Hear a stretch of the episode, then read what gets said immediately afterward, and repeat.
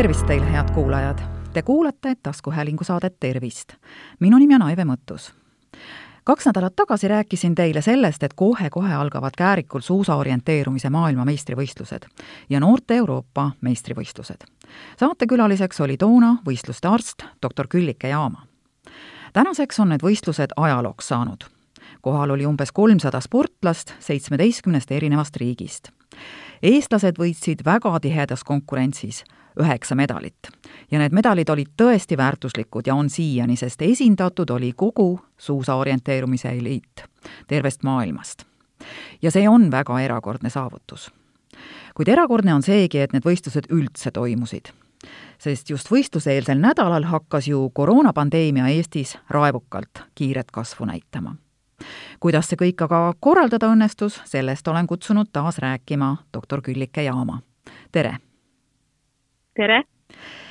Äh, no äh, doktor Jaama, viibisin ise ka koos Eesti koondisega äh, Käärikul ja võistluste ajal teid nähes tekkis mul peaaegu iga päev ikka ja jälle küsimus, et kuidas te pingele vastu peate ja kas te öösel natuke magada ka saate. nüüdseks on võistlustest nädal möödas ja ma julgen küsida, et kas te olete juba välja puhanud? Päris veel ei ole, kuna ma olen terve selle nädala olen seotud olnud nüüd õpetajate koroonavastase vaktsineerimisega, siis äh, ma loodan, et eelseisev nädalavahetus pakub võimaluse puhata. no ma loodan ka, et ühel, ühel hetkel peab ju inimene ikkagi ikka puhkama ka, muidu ei mängi kuidagi välja. aga äh, hakkame selle Kääriku võistlusega siis algusest peale ja tuletame kuulajatele meelde, mida pidid sportlased ja nende meeskonnad koroonaviirusega seoses juba enne kohale tulekut tegema, et üldse võistluspaika jõuda ja saada võimalus startida? nii, nagu me kaks nädalat tagasi juba rääkisime, siis me avaldasime umbes kuu aega enne võistlust nii-öelda Covidi riski maandamise reeglid, milles soovitasime kõikidel siis võistlustele tulevatel osalejatel, sportlastel, taustajõududel ja ka korraldajatel jääda kümme päeva enne võistlust sisuliselt eneseisolatsiooni. välisriikide võistlejad isegi jätsid minemata oma koduriigi võistlustele, mis olid kaks nädalat enne võistluste algust, et vältida koondise sisest nakatumise äh, riski. kooliõpilased jäid distantsõppele, äh, tööinimesed võimalusel töötasid kodus, vältisid koosolekuid, vältisid kogen-, kogunemisi. meie enda sportlased, kes elasid äh, väljaspool Eestit, tulid paar nädalat enne seda juba kodumaale, treenisid vaikselt ei kohtunud kellegagi, et, et mitte seada ohtu oma koondist, et, et võimalik oleks võistelda, et ei tekiks mingisugust koondise sisest puhangut mm -hmm. eelnevalt juba. ma arvan, see eeltöö oli äärmiselt vajalik. ja, ja kõik, kõik tegid selle ära? ma arvan küll, ma praegu arvan küll, et kõik mm, -hmm. ma ei mhm. saa öelda iga üksikisiku mm -hmm. eest, aga, aga, aga tulemus praegu näitab, et äh, praktiliselt sajaprotsendiliselt mm. -hmm. me teadsime, millega me kõik riskime ja mis on mängus. no aga sellest ainult ei piisanud, nad ju pidid äh, tegema kõik ka äh, PCR-testid. tahtsingi selleni jõuda, et kui mm -hmm. nad hakkasid juba Eestisse tulema, siis äh, seitsekümmend kaks tundi enne, enne oma kodumaalt laht-, lahkumist pidi olema tehtud PCR-test, see pidi olema negatiivne ja selle saatsid nad elektrooniliselt siis meile korraldajatele meie olime need üle kontrollinud ja andsime neile üldse loa tulla mm. -hmm. kui nad jõudsid Eestisse, siis äh, üle piiri tulemises hetkest alates kahekümne nelja tunni jooksul tuli teha uus test. kuni selle testi saa-, vastuse saabumiseni olid kõik, äh, kõik osalejad eneseisolatsioonis. Äh, kui nad said selle kahekümne nelja tunni testi negatiivse vastuse, siis saime me anda nendele akrediteeringu. ilma negatiivse testita keegi võistlustel osalemiseks luba ei saa mm, -hmm. ei saanud. no kas äh, tuli ette ka äh, positiivseid tulemusi ja mida te sellisel juhul ette võtsite? Äh, jah, tuli küll, üllatus oligi see, et me olime valmis selleks, et positiivseid teste tuleb selle seitsmekümne kahe tunni testi hulgas. aga, aga tegelik elu näitas ka seda, et inimesed, kes olid tulnud oma eelseisva negatiivse testiga, tulid, sisenesid Eestisse ja andsid endale ja meile üllatuseks positiivse testi. teadmata, et nad oleksid vahepeal kuskil nakatunud, omamata mingisuguseid haigusnähte, võiksime eeldada, et tegel-, tegemist oli reisil viiruse saamisega, kuid jättes inimesed eneseisolatsiooni, hakates iga üksikjuhtumiga tegelema, tuli välja, et neil kõigil on teadaolev läbipõdemine kuid puudusid selle kohta vastavad tõendid, sellepärast et sportlased olid põdenud läbi novembris-detsembris selle Covidi, andnud seal oma positiivse testi, olnud isolatsioonis ja peale seda koduriigis andnud hulgaliselt negatiivseid teste mm. -hmm. samamoodi tulles siia, andnud jälle negatiivse testi ja nüüd korraga tulles Eestisse on, on test positiivne. ja kogu aeg seesama PCR-test? Kogu aeg on tegu PCR-testiga, teised mingisuguseid antigeeniteste me üldse ei arvestanud ja, ja, ja loomulikult ei saanud me suhtuda ühtegi positiivsesse testi juba ette, et see ei ole värske test, me kõik üllatuslikud testid võtsime, suhtusime kui värsketesse ja pidime võistlejad isoleerima, jätsime isolatsiooni ka koondised, kuni hetkeni me selgitame välja, millega on tegu.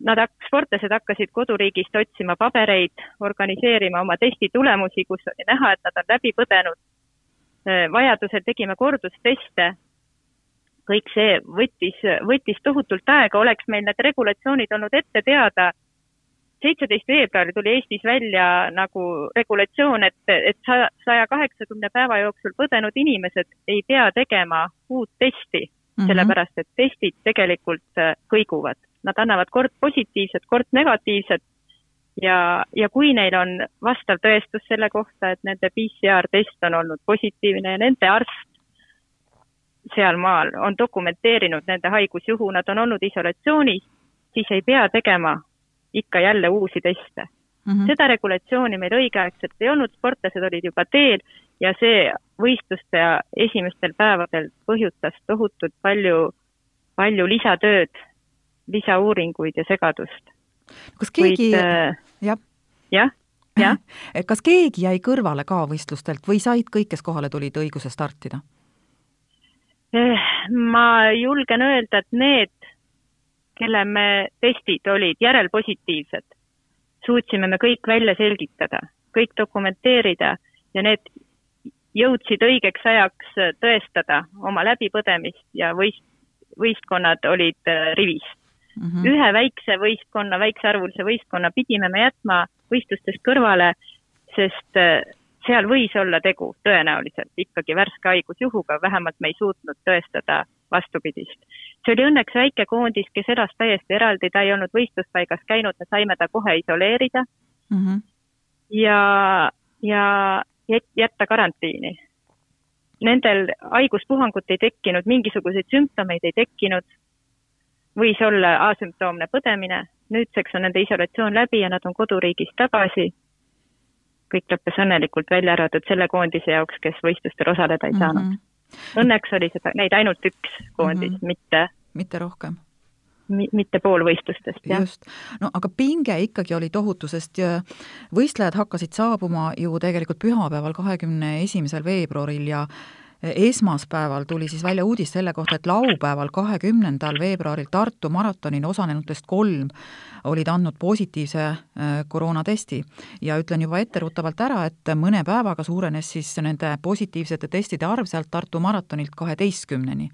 no kuidas teie end selle uudise valguses tundsite, kas ähm, võttis kõhedaks ka või, või arvasite järjekindlalt, et te saate hakkama?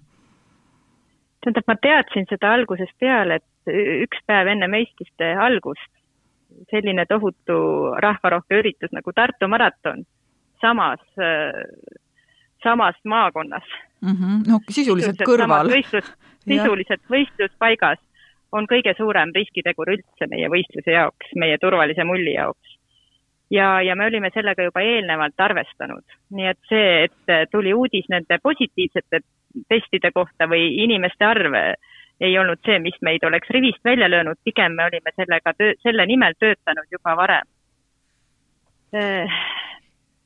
sest oluline oli see fakt, et, et selles pisikeses maakonnas, pisikeses linnakeses on tohutu hulk testimata inimesi, kes on üle Eesti kokku tulnud, kelle hulgas ilmselgelt võib olla koroonaviiruse kandjaid. meie jaoks oli tähtis eelnevalt juba, et meie osalejad, meie saabujad ei puutuks nende inimestega kokku. et neid kontakte viia miinimumini. me olime rääkinud sellest oma majutajatega, meil oli kokkulepe, et, et kui Tartu maratonil majutujad lahkuvad hommikul, siis meie saabujad tulevad sisse hilisõhtul, vahepeal desinfitseeritakse ruumid, tuulutatakse tube sööklaruumides ei teki mingisugust kokkupuudet, ühed on lahkunud, teised on nii kaua isolatsioonis, kuni nad sinnasamasse ruumi lähevad, tähendab, me olime selleks ette valmistunud ja me olime, me olime kõik teinud, et, et omavahel kokkupuudet ei tekiks. me, me, me, me hakkasime oma mulli looma sellest hetkest saadik, kui sportlased saabusid. aga kuidas see mull ja mitte siis, kui, kui juba võistlus käima läks, eks ole. aga, aga kuidas see mull millest me eelmises saates pikalt rääkisime, töötas. et kas kõik osalejad tõesti pidasid reeglitest kinni ja kui sageli tuli nende reeglite järgimisele tähelepanu juhtida, sest ega kui Käärikul elasid noh, ainult võistlustest osavõtjad, siis Otepääl ühes hotellis elasid ju võistlejad ja seal oli ka teisi inimesi. Ja oli ja, ka neid oli... inimesi, kes ööbisid tõesti hoopis kodus ja käisid kodust Käärikule no need olid kõik need punktid, mille peale me olime juba varasemalt mõelnud, mille pärast me olime muretsenud ja me üritasime viia neid riske niivõrd väikseks kui vähegi võimalik. see oli see, miks ma proovisin rääkida iga meie korraldajaga ükshaaval, kui tähtis on see, millised kontaktid saavad nemad oma kodus, kui nad ööbivad, ei ööbi Käärikul, ei ööbi Tehvandil, vaid nad lähevad oma koju, siis ka nende pereliikmed on meie jaoks riskikoht, ka nende pereliikmed peavad olema nii-öelda isolatsioonis see oli uskumatu, mida inimesed selle nimel tegid, et seda meie mulli hoida ja praegu ma võin öelda, et see mull tõesti töötas. me testisime ära kõik Kääriku töötajad, me testisime ära kõik Tehvandi hotelli töötajad ja kõik Karupesa hotelli töötajad, need olid meie suuremad majutujad. meil oli lepitud kokku, et Tehvandil teised majutujad ei söö samas ruumis meie võistlejatega mm. -hmm. Nad ei puutu omavahel kokku, samamoodi Karupesas. me olime üritanud ette näha kõiki võimalusi nii palju, kui see noh, inimvõimete piiris võimalik on. me proovisime anda enda parimat, praegu ma võin öelda, see, see ilmselt õnnestus. aga see oli, see oli tohutu koostöö ja ma olen väga tänulik kõikidele nendele Kääriku, Tehvandi ja Karupesa töötajatega, kes olid meiega üks tiim ja kes tulid meiega kaasa. no tõesti, see on käisid meiega ühte jalga. just nimelt, see on, see on erakordne. aga on teil ülevaade sellest, mitu testi te nende päevade jooksul tegite? Tähendab, üks asi on see, mitu testi me nüüd tegime ise ja teine asi on see, mitut testi Jaa, me kontrollisime. just, et palju, palju neid teste selle võistlusega seotud üldse oli, ütleme niimoodi? Neid teste, ma arvan, oli kokku tuhat, mis minu käest läbi käisid mm. -hmm. kõigepealt olid need eelnevad seitsmekümne kahe tunni testid, siis olid need kahekümne nelja tunni testid, mis me tegime koha peal, siis olid need kordustestid ja siis võistluste lõpuks selgus, et olukord maailmas on muutunud nii ärevaks, et enamus äh, välisriike nõuab meie sportlastel koju minnes järjekordset testi. nii et me veel võistluste lõpus tegime veel sada nelikümmend testi, mille vastused tulid kõik kontrollida ja sportlastele saata. ma arvan, et neid teste oli tuhat. ühesõnaga, ma, ma tegelikult ei pea teie käest küsima, mida te unes nägite nendel päevadel, ilmselt olid need testid ekraanidel? ma ei näinud üldse und, nii palju, kui ma magasin aga eh, tuleme tagasi veel võistlejate juurde, no Euroopa noorte eh, meistrivõistluste raames olid ju stardis ja võistkondade koosseisus ka eh, päris palju selliseid osalejaid, kelle vanus jäi kaheteistkümne ja kuueteistkümne eluaasta vahele. tegelikult on nad siis ju ikkagi lapsed ja, ja sotsiaalsed, tahavad teistega suhelda, et kuidas nemad suutsid reeglitest kinni pidada. no kas või sellest, et, et teiste koondistega suhelda ei tohi ja vabal ajal tuleb püsida hotellis oma toas paljud koondised majutusid meil ikkagi nii-öelda oma tiimimajades ja koondise sisest läbikäimist me ei keelanud. et kui lapsed oma koondise kaaslastega mängisid väljas, siis see ei olnud probleem. ja, ja meil oli siiski loodud mull, meil olid inimesed kaks korda testitud mm. -hmm. ma ei näinud mingisugust vajadust piirata noorte värskes õhus viibimist ja sundida neid siseruumides äh, kogu aeg äh, kinni olema. see ei olnud mõistlik nende tervise, ei mhm. füüsilise ega vaimse tervise koha pealt mm. -hmm. ja elu näitas, et, et, et see ei, ei, ei, ei ole, ei oleks olnud ka vajalik mm. -hmm. aga kas võistluste ajal tuli ette ka mõni haigestumine ja mis sorti haigestumisega tegemist oli? ja kuidas te siis reageerisite, kas kohe nii nagu võimalikule koroonajuhtumile või, või kuidagi muud moodi? Me olime väga valmis, me olime mitu korda läbi käinud kõik oma skeemid, mida me teeme, kui meile tuleb viirushaiguse äh, tunnustega inimene. ma käisin kogu võistluste aja ringi, isolaatori võti kaelas äh,, telefon taskus et kui me saame mingisuguse signaali, kuidas me selle inimese siis eraldame ja kuidas me temaga toimetame, transpordime ta turvaliselt karantiinihotelli, osutame talle abi, testime, isoleerime, kaardistame kõik kontaktsed. Tegelikkuses tuli meil kaks äh, inimest südame-vereringe kaebustega, äh, ilmselt suurest pingest ja üks sporditrauma, nii et mm -hmm. tegelikult ei olnud ühtegi ülemiste hingamisteede haigustunnustega inimest kellega oli vaja tegeleda, õnneks no jaa, ja isegi kuigi me olime selleks valmis. ja, ja isegi kui võtta äh, see suur seltskond, siis need kolm haigestumist on tegelikult ikkagi ju väga vähe. ja noh, see, see trauma, see, ma usun küll, et äh, oli üsna loomulik äh, asjade käik, sest teisipäeval oli seal ikkagi tohutu jääväli ja endalgi oli mul püstiseismisega raskusi jaa, selles suhtes on müts maha meie sportlaste ees, kes on äärmiselt osavad suusatajad, sest tegelikult ühtegi väga tõsist traumat tegelikult ei olnud, mis oleks vajanud sellist kiirabi sekkumist. no jaa, aga ega nad ju muidu ka maailma eliidi hulka ei kuuluks. just, kuigi meil on tegu ka kaheteistaastaste lastega, nagu me rääkisime. jaa, jaa, aga nemadki olid väga-väga osavad. üliosavad, just ja, ja nüüd äh, lõpetuseks niisugune asi, et äh, ühes kohas interneti kommentaarides ma märkasin, et ironiseeriti, et korraldage ka jah, keset koroona kõrgaega selline suur rahvusvaheline võistlus ja, ja levitage viirust. et äh, kas te tõesti saate käsi südamele öelda, et ükski selle võistlusega seotud inimene Käärikult viirust külge ei saanud ja seda ei levitanud? Tänaseks päevaks saan ma öelda, et minule teadaolevalt ei ole ühtegi osalejat ega korraldajat sellel nädalal andnud esmaselt positiivset koroonatesti ja ei ole viirust levitanud. kõik sportlased on tänaseks jõudnud koduriiki ja ühtegi negatiivset tagasisidet me ei ole, me ei ole saanud. me oleme saanud tohutut tänusõnu, et me suutsime sellises olukorras, milles maailm praegu viibib, üldse korraldada võistlust ja anda sportlastele võimaluse ennast proovile panna ja teha seda nii, et tõesti kõik tundsid ennast turvaliselt. meie enda noored Eesti sportlased ütlesid, et nad ei tahaks Käärikul kuhugi minna, sest see on ainuke koht Eestimaal, kus nad praegu ennast tunnevad kaitstult. teate, mul oli ka selline, jaa, mul oli ka selline tunne, et, et ma nagu, kui ma sealt kodu, koju, kodu poole pidin hakkama minema, siis ma mõtlesin, et kas ma tahan siit ära minna, sest siin on ju nii turvaline, siin ei ole inimesi, kes, kelle käest ma võiksin selle viiruse saada me rääkisime sellest mullist ja tegelikult ei kujutanud ma ette, et seda mulli me tegelikult suudamegi päriselt luua, et see ei olnud enam virtuaalne mull mm, -hmm. see mull, mull töötas päriselt tegelikult no, see igat... oligi nagu suur kaitsesein meie ümber. just, just, ja, ja minul on väga hea meel, et teie selles kaitsemulli loomises peamist rolli mängisite. suur tänu teile, doktor Küllike Jaama! Ma tahaksin siin veel tegelikult tänada, kui on tänamise koht, et on, mitte mina üksinda, minul oli mul oli väga tubli abiline Kaarel Lehtoja, kes Covidiga, kes võttis kõik need sajad analüüsid ja, ja kellega me koos ühiselt kõik otsused tegime. Ja Tartu Ülikooli, ülikooli kliinikumi ühendlaborita eesotsas Eva Reinmaaga ei oleks me seda võistlust teinud, sest niivõrd operatiivne ja abivalmis abi selle labori ja labori töötaja poolt ain-, tagasi ainult selle, et sai korraldada tingim-, sellistes tingimustes normaalset võistlust, nii et suur aitäh! jaa, ühinen teie tänusõnadega, sest äh, see oli tõesti erakordne, millega üks väike Eesti spordiklubi, Värska orienteerumisklubi Peko siis hakkama sai.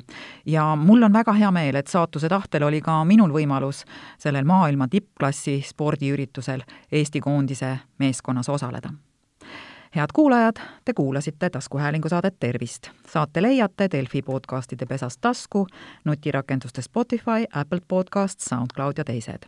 hakake jälgijaks ja kuulake just teile sobival ajal. ettepanekuid teemade kohta, mida saates käsitleda, ootan teilt e-posti teel aadressil tervist at maaleht.ee.